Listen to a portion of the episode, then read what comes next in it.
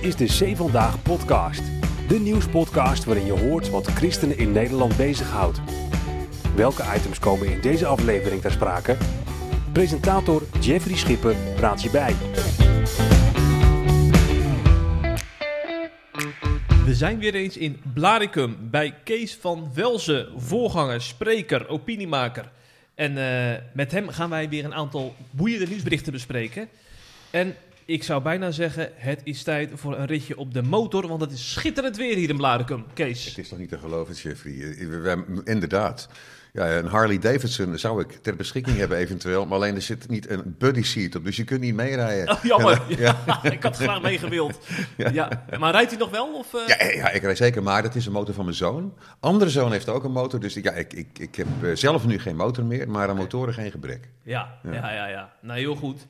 Ik zou zeggen, geniet ervan de komende tijd, want dan gaat het nog mooier weer worden. Ja, hè? Eh, maar voordat jij eh, dat gaat doen, mag je je eerst nog even ergeren in onze rubriek De Ergernis van de Week. Ja.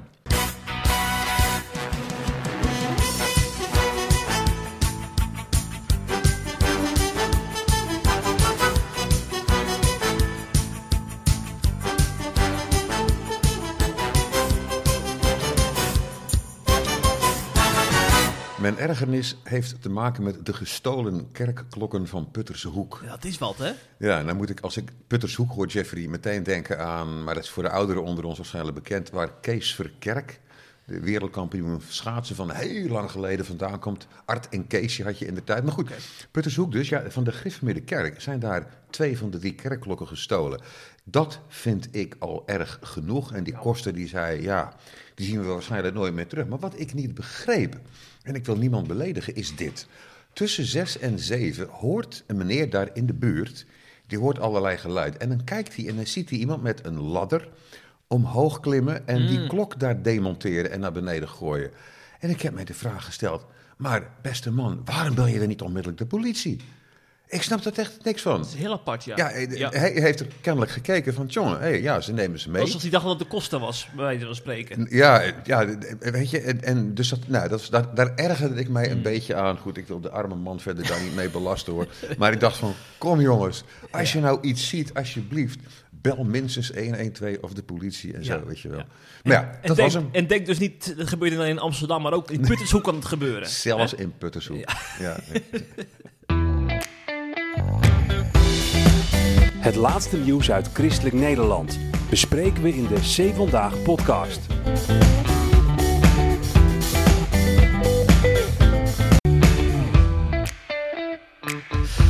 Zeg, voordat wij onze nieuwsitems gaan bespreken, wil ik toch nog even stilstaan bij die vreselijke ramp hè, Ja. die van de week heeft plaatsgevonden in Turkije en Syrië. Want eigenlijk kunnen we toch niet omheen om daar even bij stil te staan. Ja, ja, ik zag ja. al heel wat Kamerleden, bijvoorbeeld van de ChristenUnie, die zeggen dat ze in hun gebeden bij de slachtoffers en de nabestaanden mooi. stilstaan.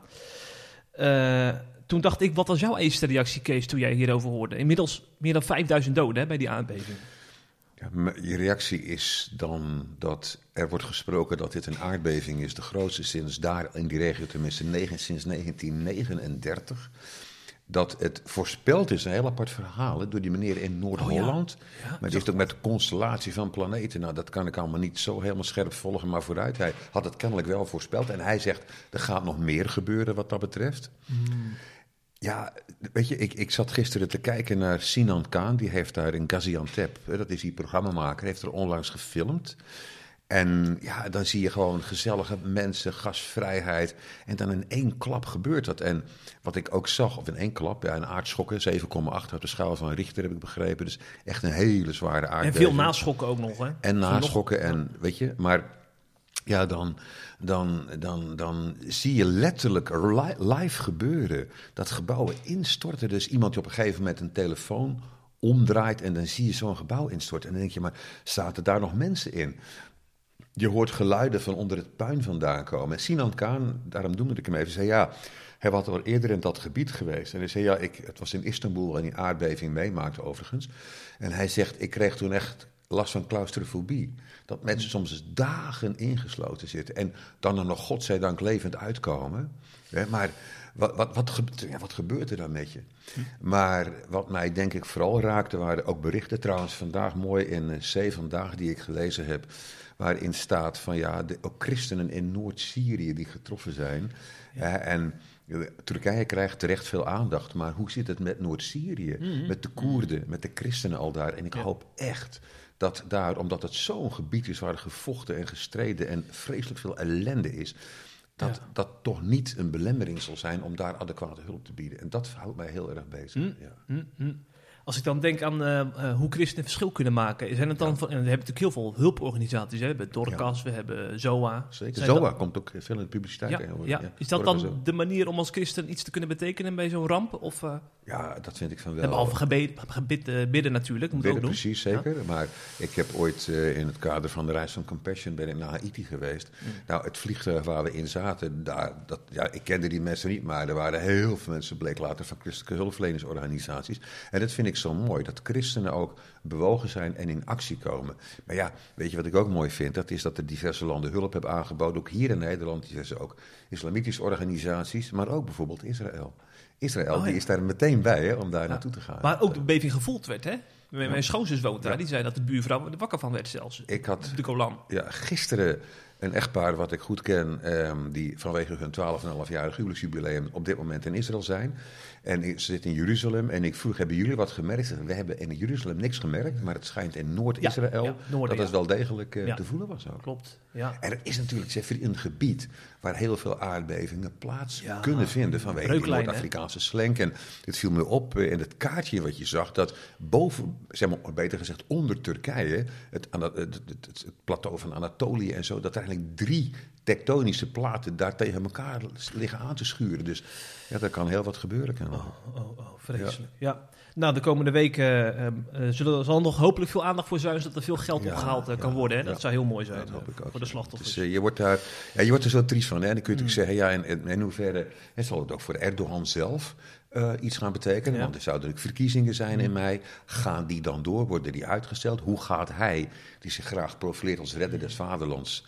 eh, wat gaat hij nou doen? Wat kan hij doen? Huizen gaan die nu sterker opgebouwd gaan worden? Nou ja. Veel maar vragen. nogmaals, het menselijk leed, dat is natuurlijk Mm. absoluut primair. Dan is het echt toch een hele grote stap naar eh, het, het, het kleine leed dat wij hier in Nederland meemaken. Hè? Ja. Eh, tenminste, nou ja, klein leed. Doodsbedreiging is ook erg. Zeker. Dat heeft bijvoorbeeld auteur Pim Lammers meegemaakt. Hè? Hij is de auteur van het kinderboekenweek gedicht. Althans, dat was de bedoeling. Hij heeft zich teruggetrokken vanwege doodsbedreigingen. Eh, dat eh, begon onder andere met een petitie van stichting Civitas Christiana, een christelijke katholieke stichting. Ja. Die vooral erg veel opkomt voor eh, christelijke normen en waarden, voor het gezinsleven. Mhm.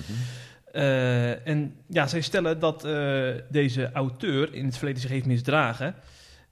Want hij heeft ooit een verhaal gepubliceerd over een trainer die een seksuele relatie heeft met een 12-jarige jongen. En daarom noemt Civitas Christiana hem eh, een pedofilieactivist. En daarom is die, zijn ze ook die petitie gestart tegen zijn eh, eh, ja, deelname aan de kinderboekenweek. Mhm.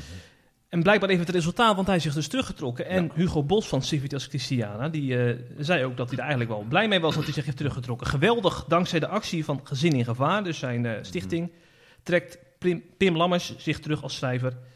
Maar wel keurt hij de doodsbedreigingen af, dat heeft hij dan er wel eh, Ja, bij dat wel, gezegd. ja, ja, ja. Ja, hoe Ja. kijk jij naar eh, deze, de rol van Civitas, Civitas Christiana hierin, eh Ja. Kees? Ja, persoonlijk vind ik dat een goede rol. Ik vind, ik krijg ook wel mails van hen trouwens. Ook de naam van Hugo Bos is mij niet onbekend. Ja. Ik vind het goed dat ze dit gedaan hebben. En ik kom er zo meteen nog graag op terug waarom ik dat dan vind. Ehm, ik vind wel dat je moet uitkijken met altijd triomfalistisch over, over te komen. Zo van, dat hebben wij voor elkaar gekregen. Omdat je ook ziet dat in de slipstream van deze actie, die ik overigens terecht en begrijpelijk vind, er ontzettend veel ellende is gekomen tot en met doodsbedreigingen. Jeffrey, ik heb vaker tegen jou gezegd dat ik geweld haat. Terwijl ik een vechtsporter zelf ben, eh, weet je wel, maar en nog altijd. Maar ik vind het typ prachtig om met elkaar in een ring te staan, maar dan kies je daar zelf voor en, en al die dingen meer. Maar ik haat geweld en ik haat doodsbedreigingen. En het heet dan wel eens hè, anonieme toetsenridders die daar eventjes van leer gaan trekken. Ik vind dat echt heel object. Dus hoezeer ik ook datgene wat Pim Lammers geschreven heeft totaal abject vind. En hoezeer ik ook bepaalde reacties daarop um, niet oké vind, waarvan ik dan vind, bijvoorbeeld, ik citeer uit een mail van minister-president eh, Rutte. Het vrije woord is een groot goed in onze rechtsstaat. Alleen de rechter stelt grenzen. Nu, over dat vrije woord van Pim Lammers, daar zou ik graag nog wat over willen zeggen. Ik vond Gunnar Uslu, die vond ik, de minister, die vond ik iets, uh, iets meer in balans. Ze zegt, ongeacht hoe je uh, zijn werk interpreteert of wat je ervan vindt, geen doodsbedreigingen. En dat vind ik een iets beter iets, omdat dit gelijk te stellen met de aanval op het vrije woord, vind ik niet oké van Rutte. Mm, dan gaat het ver voor, je, voor jou. Dat vind ik wel. Ja, ja, ja, Omdat er ook grenzen zijn aan het vrije woord. Nou, um, ik heb uh, vandaag van iemand toegestuurd gekregen uh, een, stukje uh, uit Nederland, het Nederlands Dagblad van Gerard Beverdam. Ja, dat is een uh, journalist van het Nederlands Dagblad. Ja. Klopt. Ja. En die schrijft dan onder het kopje Christelijk cancel is een heilloze weg. En ik citeer uit dit stuk. Um, ja, eerste zin, komma. Auteur Pim Lammers schreef wel eens expliciet over seks tussen mannen. Hij schreef ook het kinderboek Het Lammetje op de Varkenis over gendertwijfel. En het is een verhaal, trainer, over een uit de hand lopende relatie tussen een voetbalcoach en een jongen van hooguit 12 jaar. Hij, Gerard Beverdam, zegt hij schreef wel eens expliciet over seks tussen mannen. Dat klopt. En dat kan ook kennelijk in onze maatschappij, kan dat. En of dat nou, of homo, homo heet, gaat het me nu even, of homo hetero is of zo. Wat, ik heb daar ook in de voorbereiding voor deze podcast eens over nagedacht en wat dingen gelezen. Een van de dingen die Lammers beschrijft, is zijn frequente bezoek aan allerlei darkrooms waarbij drie of vier, in dit geval dan mannen, met elkaar in de weer zijn. Ik vond het werkelijk afschuwelijk om dat te lezen. Mhm. En dan kun je zeggen, want het is ook het argument, het boek Het Trainer, dat stuk heb ik ook gelezen en ik vind het echt, ik vind dat echt, persoonlijk zal het eerlijk zeggen, het, prom, het, het, het, het promoten van, van, van pedofilie. Ik, ik vind het ik vind het echt niet oké. Daar ben ik boos en verontwaardigd en ook verdrietig over. Maar maakt het voor jou dan niet uit, want het is wel belangrijk om te zeggen... Hij, voordat hij kinderboeken ging schrijven, had hij al dit verhaal geschreven voor volwassen publiek. Maakt het dan voor jou niet uit? Ja, dat maakt voor mij... Ehm, inderdaad niet uit om reden. Kijk, we hebben het hier over kinderen. Hij heeft het over een jongetje en over haartjes. En hij, hij kiest er ook duidelijk voor. En het jongetje, die vindt dat kennelijk allemaal prima. Die trainer vindt het helemaal prima, kennelijk.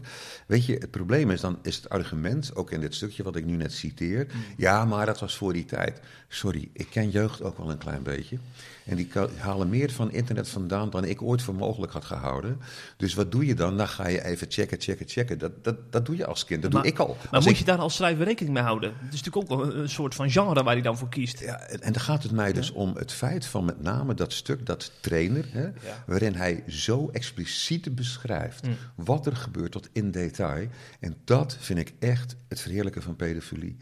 En nou weet ik dat in onze maatschappij er is iets heel boeiends aan de hand. In de 60er, 70er jaren is er, dat kan ik namen toen aan noemen, vanuit P van de A en D66-kring is er op een bepaald moment gepleit om pedofilie niet meer strafbaar te stellen.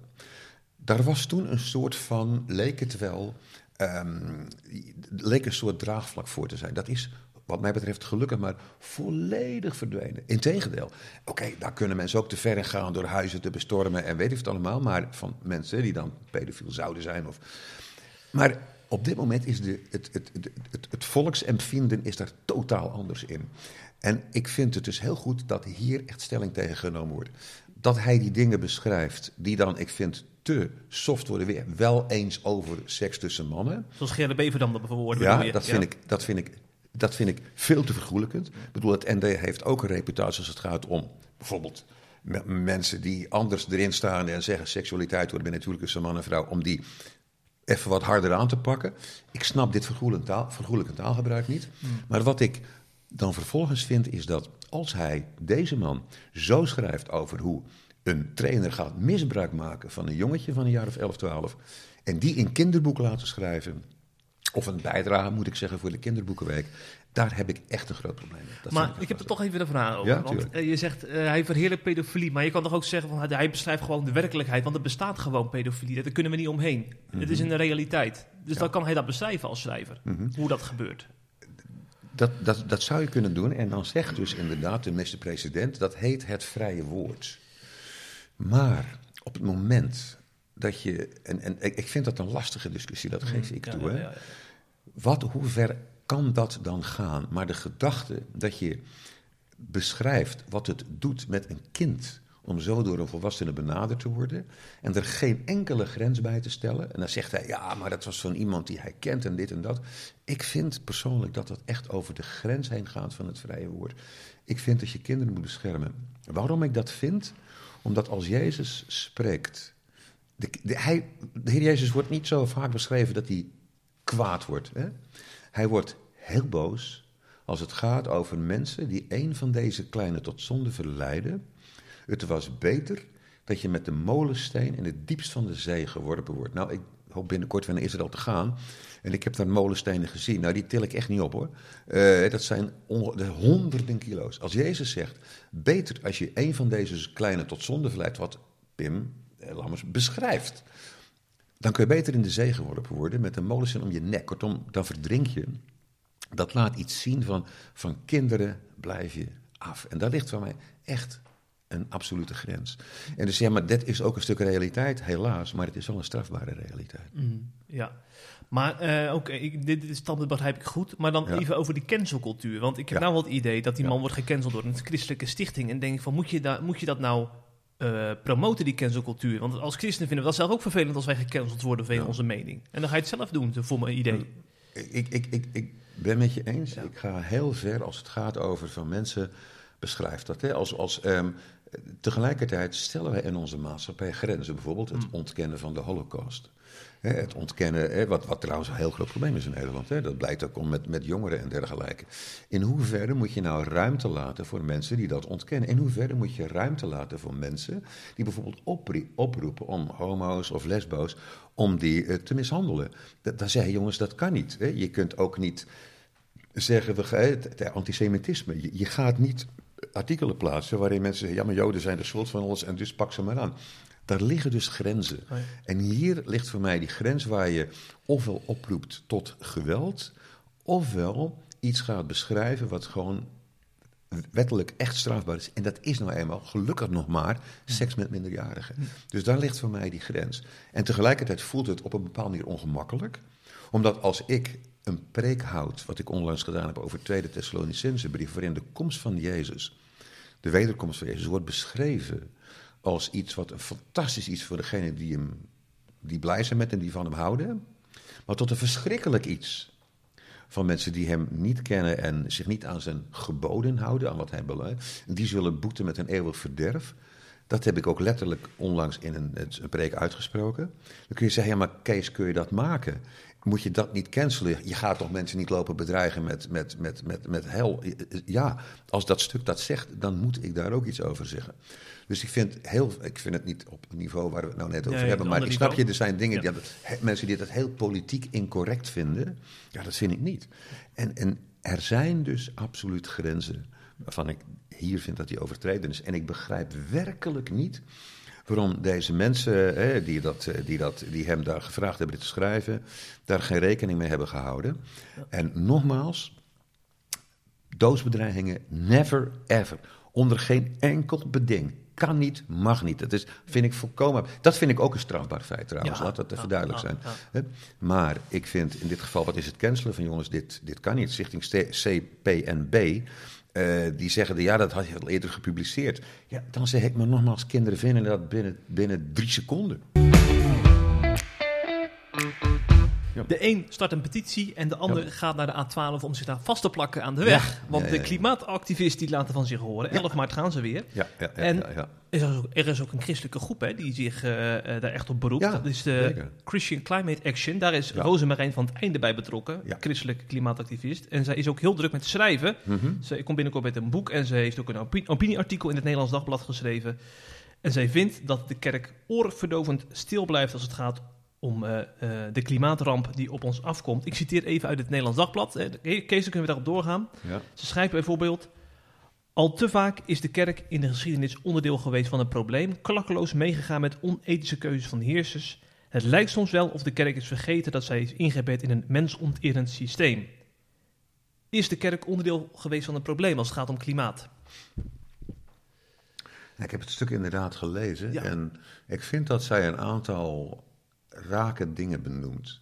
Ik vind dat je, zij is duidelijk, eh, vind ik, in haar passie voor deze wereld en de passie ook voor Gods schepping. En ik vind de gedachte van, ach ja, na onze zondvloed, hè, dat is een term uit de Franse revolutie, hè, nous le déluge, eh, of nee, van de koning die daaraan vooraf ging, niet aan de, aan de, met de- mede invloed he- hebbend op de Franse revolutie, Ja. moet ik zeggen. Ehm, dus ik vind het terecht dat wij zo nu en dan eventjes in de kraag gepakt worden en wakker gezet, jongens, waar zijn we nou mee bezig?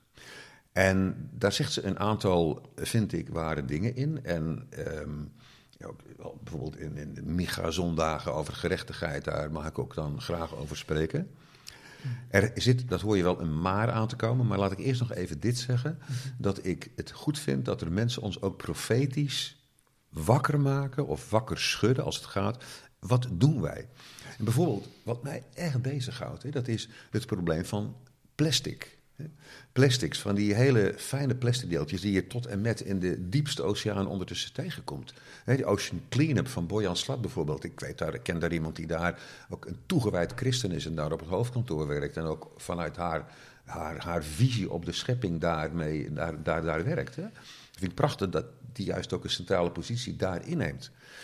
D- Dat vind ik echt een enorm probleem. En daar mogen we best wel eens goed over nadenken. En dan hebben we mensen als Rosemarijn nodig om ons wakker te schudden. ja, en, en dan, dan, dan mag iemand van mij ook best een keer gaan hangen op een punt dat ik denk van ja, maar ik vind dit echt te ver gaan.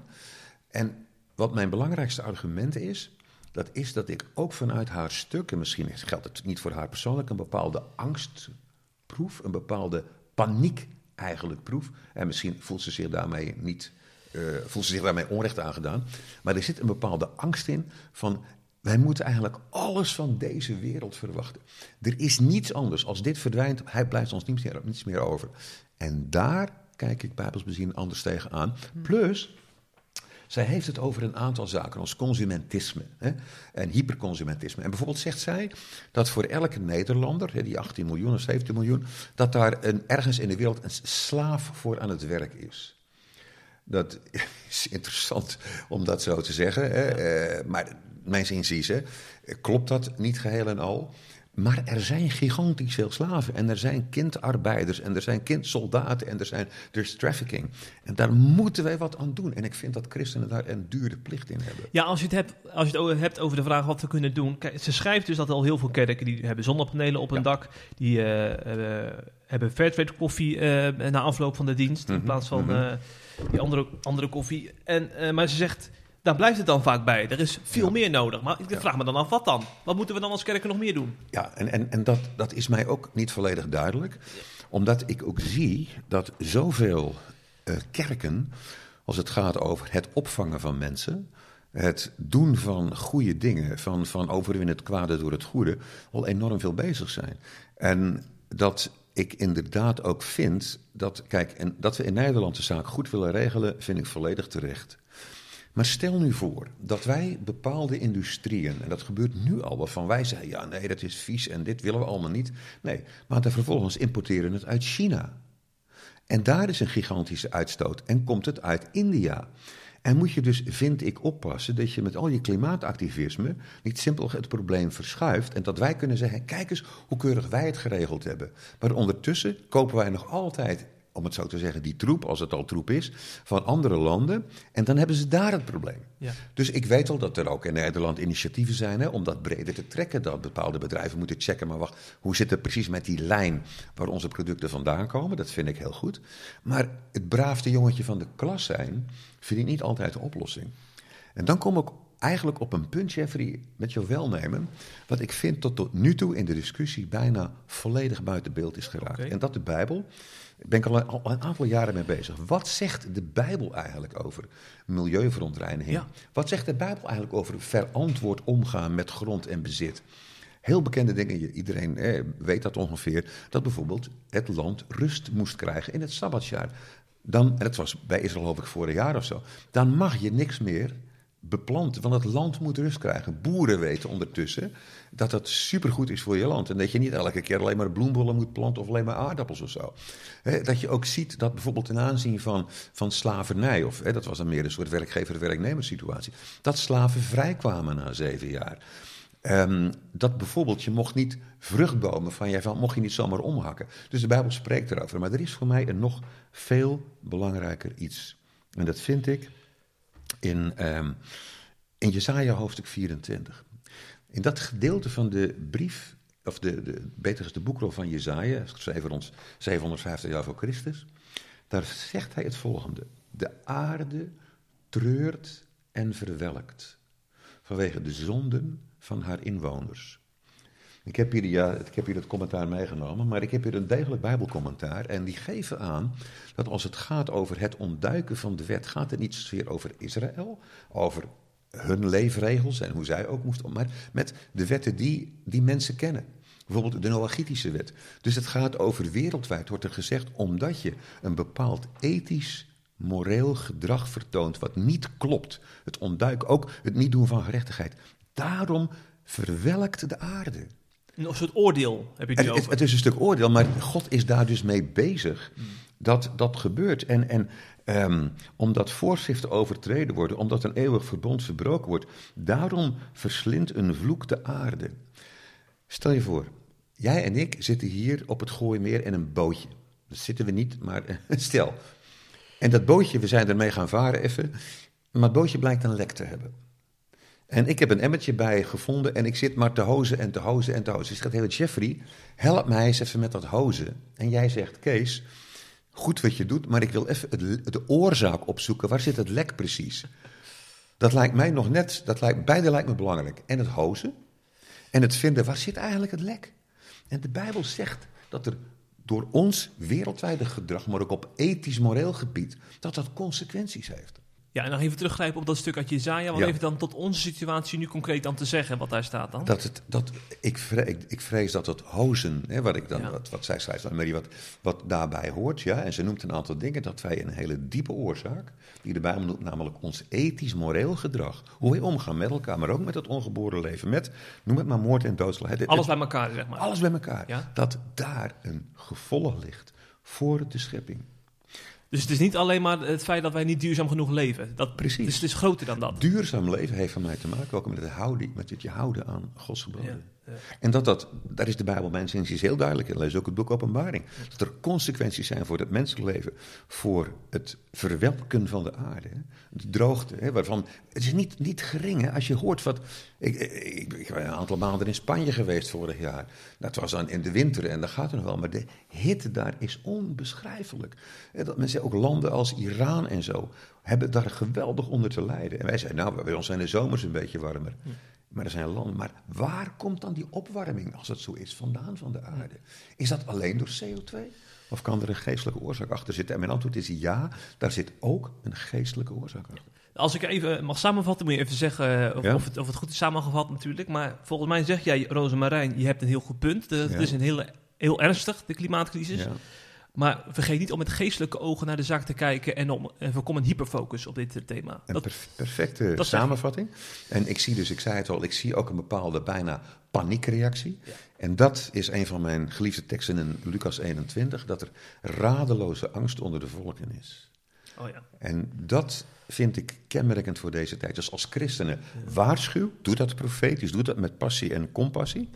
Maar laat je niet verlammen door angst. En Hm. dat krijg ik een beetje het gevoel met haar artikel. Zal ze misschien niet bedoelen, Ja. maar zo kwam het wel bij mij over. Ja, ja. Laten we ook nog een spade dieper gaan. Ja. En dat lek in die zin boven water zien te krijgen. En als je het hebt over angst, dat kun je ook krijgen als je kijkt naar de doemsdagklok. Ja, Want die, tikt, die tikte maar door. Eh, precies. De doemsdagklok, dat, eh, dat, is, ja, dat is wel interessant. Er zijn dus wetenschappers die eh, eh, de grote klok eh, hanteren. Ja. Aan de hand van hoe het er in de wereld aan toe gaat. Hè, de crisissituatie in de wereld. En die klok die is in 1947 is die opgericht. En sindsdien is die 24 keer bijgewerkt. Misschien wel leuk om te zeggen. Na de val van de muur in 91. Hè, Mhm, mhm. Toen, toen stond de klok 17 minuten voor 12. Dus dan was het veel minder explosief, zou je zeggen, in de, in de Ja, wereld. ja, ja, ja. En nu staat hij op 90 seconden voor 12. Ja. Dus eh, als je naar die doemsdagklok kijkt, dan kun je ook wel eens angstig eh, worden, Kees. Neem je dit eigenlijk serieus? Want het is wel heel eh, wetenschappelijk waar we het nu over hebben. Mhm. Ja, natuurlijk, wetenschappers kunnen elkaar ook tegenspreken. Maar ja, ik zou heel dom zijn als ik hier niet over zou nadenken. En zoals ik al zei, ook dit past voor mij in het kader van radeloze angst onder de volk. Als je zegt 90 seconden voor 12, hè. Ja. Als je dan, eh, nou oké, ik heb een bepaalde visie op hoe lang de schepping of de mensheid dan bestaat, inderdaad. En daarmee ook de schepping trouwens. Maar, maar als je dan het hebt over miljoenen jaren, waar ik niet in geloof, in tegendeel. Maar dan, dan, dan zit je helemaal met een groot probleem. Want dan zijn wij die mogelijk laatste generatie. Dat, dat is nogal wat. Dus dat moet je serieus nemen.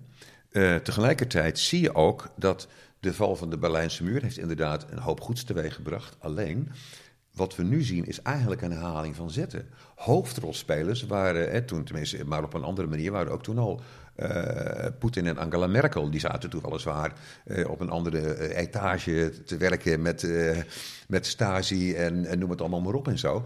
Maar ondertussen is Poetin dus een, ja, iemand die, ja, waar we nu wel rekening mee moeten houden.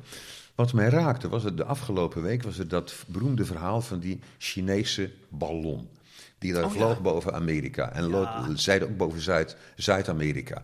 Uiteindelijk is hij dus neergehaald. China eh, vond het allemaal maar niks. Maar was het nou spionage of was het nou een weerballon? Nou, eh, voor een weerballon leek hij me erg groot, maar oké. Opvallend wat ik las, hè. Hij vloog boven een militaire basis. Nou, een ballon, weet je, die wordt alleen door de wind meegenomen. Hè. Die kan niet zelf... eh, maar, maar boven... In die militaire basis liggen voldoende kernraketten... om de wereld drie of vier keer te vernietigen. En dan denk je, jongens, hoe bestaat het? En als dan, met name rond Oekraïne, hè, waar dan... En ik zeg niet dat het verkeerd is dat Leopard tanks het, en mogelijk zelfs F-16 erheen gaan. Dat, dat, dat niet. Ik denk dat oorlog, echt Poetin echt gestopt moet worden, zeker. Hè? Maar als dat waar is, dat er wordt ingedreigd met kernwapens... Dat heeft bij mij met name ervoor gezorgd dat ik dacht van wauw, die doomsday-toestand, dat doomsday-scenario, is wel een heel stuk dichterbij gekomen. ja. Dus ik, ik neem dat serieus. Ja. Ja. En die nucleaire dreiging waar je het over hebt, dat is ook een belangrijk eh, eh, kenmerk hè, van die verhoogde, van die, eh, die klok die maar richting de 12 gaat. Dat heeft daarmee te maken. Ja. En, en daar is Jeffrey een psalm over geschreven. Oh. ja, serieus. Er staat al, een, staat, het begint met een burcht is ons de God van Jacob. En daarom zullen wij niet vrezen, al verplaatsen zich de bergen in het hart van de zee. Even, even, ja, maar dat is poëtische taal, maar even, even letterlijk. Al zou zich een berg verplaatsen in het hart van de zee. Ik las een commentaar daarop. zei dit. Door middel van kernwapens zijn wij in staat om dat letterlijk te laten gebeuren. Zo. Hè, Dat je, Dat die bergen zich gaan verplaatsen. dat je, dat je zo ongelofelijke verwoesting aanricht. Ja. Kijk naar, maar het begin Hiroshima en Nagasaki. Hè? De mensen van dat vliegtuig, de Inola Gay heette dat ding. Dat vliegtuig kun je nog bewonderen in Amerika. Bewonderen, kun je bekijken in Amerika. Die wisten niet precies wat ze gingen doen. En het is historisch bekend dat de gezagvoerder die wegvloog en zag wat het deed met Hiroshima en later Nagasaki, bij Hiroshima die paddenstoel zag. En ik heb een hekel als mensen zomaar oh my god zeggen. Dat, dat is Gods naam ook, maar die, zei, die man zei letterlijk, my god, what have we done? Wat hebben wij gedaan? In één klap. Jeffrey, toen was ik nog niet eens geboren. Dat was in 1945. Ja. Dus de moderne kernwapens zijn bij wijze van spreken in staat om bergen in het hart van de zee te verplaatsen. En er staat er nog, en, en wij zullen niet vrezen, al zou dat gebeuren. Hm. Hm. Dus niet bang zijn, Nee. niet in paniek raken. Maar lees het, doe er wat mee, bid ervoor. Hm. Ik wil niet overdreven vroom overkomen. Ik heb echt vanmorgen gebeden voor, voor Pim Lammers. Weet je? Ik vind Oh, het die, vers- auteur. Ja, ja. ik vind het, ik vind, ja, dan even terug. Ik vind het verschrikkelijk. Ik heb, ik, en het, dat, dat, ik, kan ik dat nou zeggen eigenlijk? Ik wil me niet op de borst kloppen, hè, want ik, ik, ik werd daar eigenlijk heel boos over. Maar ik dacht, heer, wat zou ik het prachtig vinden als die man tot inzicht komt wie u bent. En zijn leven in dienst van Jezus gaat stellen. Want volgens mij kan hij schrijven. Maar, eh, weet je, dus ik vind dat we ook als christen op een andere manier in het leven mogen staan. En hier ook met die doomsday. Heer, u komt terug. Dominee Buis zal dat beamen. De, de, dominee Buis is gecit- geciteerd in het Reformatorisch Dagblad. Eh, die heeft de, de, de medium heeft de Doemsdagklok met hem besproken. En ik wil hem even citeren nog aan, aan het slot, want eh, dan kunnen we ook mooi nog met de wederkomst afsluiten. Hè? Daar heb jij natuurlijk ook een warm hart voor. Die dominee Buis zegt... Het feit dat wetenschappers wijzen op het naderende einde van de wereld kan ons ook beschamen. Zijn de kinderen van deze wereld in dit opzicht dan wijzer dan de kinderen van het licht? Mijn indruk is dat de verwachting van Christus wederkomst in de kerk er nauwelijks leeft. Is het dan echt zo dat notabene de wereld ons moet wakker schudden? Wat zeg jij daarop, Kees? Ja, eh, dat vind ik heel- helemaal waar. Ik ben het heel eens met, eh, met Dominee Buis. Van, laat, la- weet je, dat vind ik ook wel mooi. Hè? Daarom eh, vind ik het interessant om dingen te lezen en tot me te nemen en zo. Ik zie inderdaad ook echt dingen langskomen. Dat ik denk van, wauw, daar kunnen we als christen, daar hebben we wat aan. En hier ook. Word wakker mensen. De Heer Jezus komt terug. Wat een fantastisch nieuws is dat. Het gaat wel gebeuren. En zijn voeten zullen staan op de Olijfberg. En Jeruzalem wordt een stad van vrede. Ja, ik vind... jullie worden vaak vergeleken met een zwangerschap, hè? Zo de wederkomst. Ja. Hè? Dat je eerst door de weeën moet gaan en dan dadelijk het kind komt, Jezus, hè? Als, als die ja, bevalling ja, voorbij is. Maar dan denk ik van, het is ook wel heftig, hè, die weeën. Als je nou kijkt naar Syrië en Irak, of naar Syrië Ja. en Turkije en naar Oekraïne. Ja, dat is ook zo. En, en kijk, weet je, een, een aardbeving, daar, daar kun je. Ik heb nog nooit ja, gelezen, dus dat, dat dat dan komt door wat voor menselijke reden dan ook. Hè. Dat, dat, de- ik hoor bijvoorbeeld pas een artikel in Science of zoiets over hoe de kern van de aarde langzamer aan het draaien is en zelfs zelf kan omdraaien, maar dat schijnt vaker te gebeuren. Ik maar wacht even, als de kern van de aarde tegengesteld gaat draaien, schroef je dan niet alles uit elkaar, maar dat schijnt allemaal te kunnen. Maar het, het, het feit bijvoorbeeld over planetoïden, asteroïden, kometen die op aarde kunnen neerstorten, ook dat is een doomsday scenario. Daar hebben we al eens eerder met elkaar over gehad. En ook dat is een stuk realiteit. Maar misschien maak je nog een, iets vertellen wat mij onlangs overkwam in een, in een dienst. Is dit eh, al een uitsmijter of komt die nog? Is iets anders? Het is mijn uitsmijter, ja. Of Oh. je wil eerst nog iets anders ja, bespreken? dan, dan wil ik dan eerst de tune eh, laten horen. Voor de Eerste tune, hartstikke goed. Uitsmijter van de week. Ja.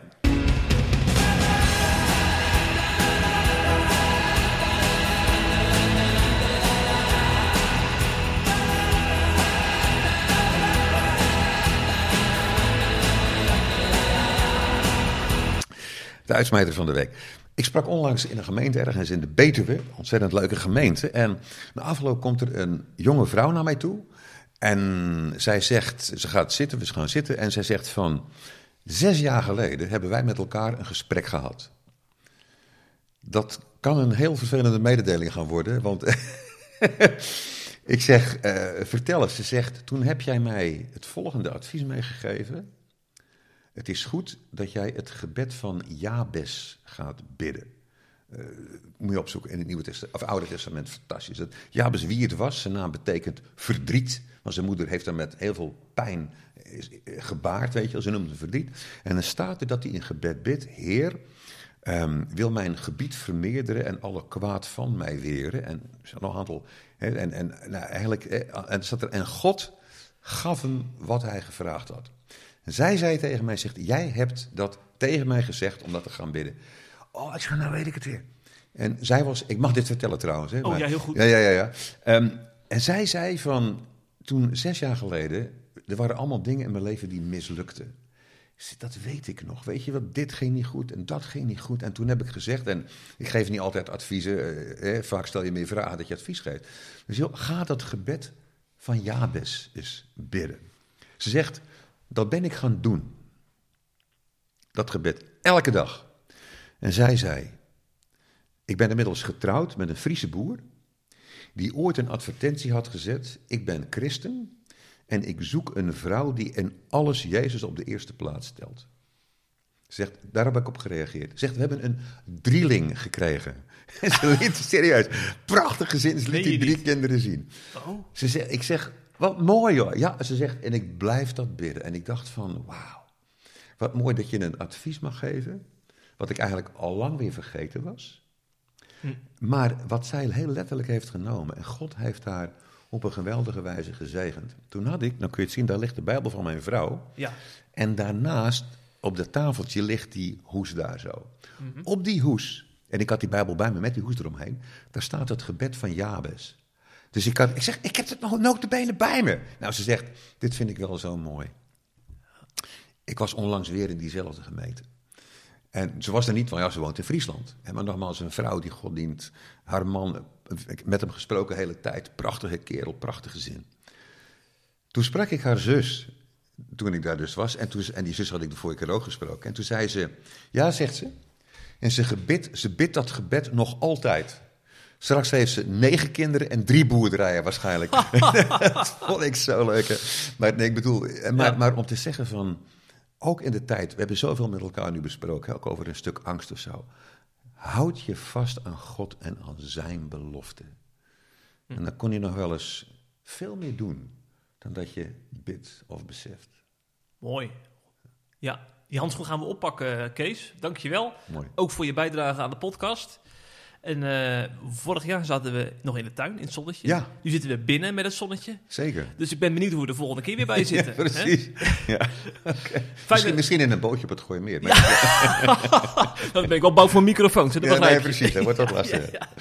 Ik, zou je nog, ik wens je nog een hele fijne dag toe. Dankjewel. En misschien Jij ook. ook. leuk om even te, voor de luisteraars. Je bent vaak te zien bij de livestream van Christen voor Israël. Ja. Toch? Klopt. Ja, dus ja, eh, hou dat in de gaten. Leuk. En dan kun je Kees nog eens eh, op beeld zien. Mooi. Luisteraars, tot de volgende keer. Tot dan. Hopelijk heb je genoten van deze C Vandaag podcast.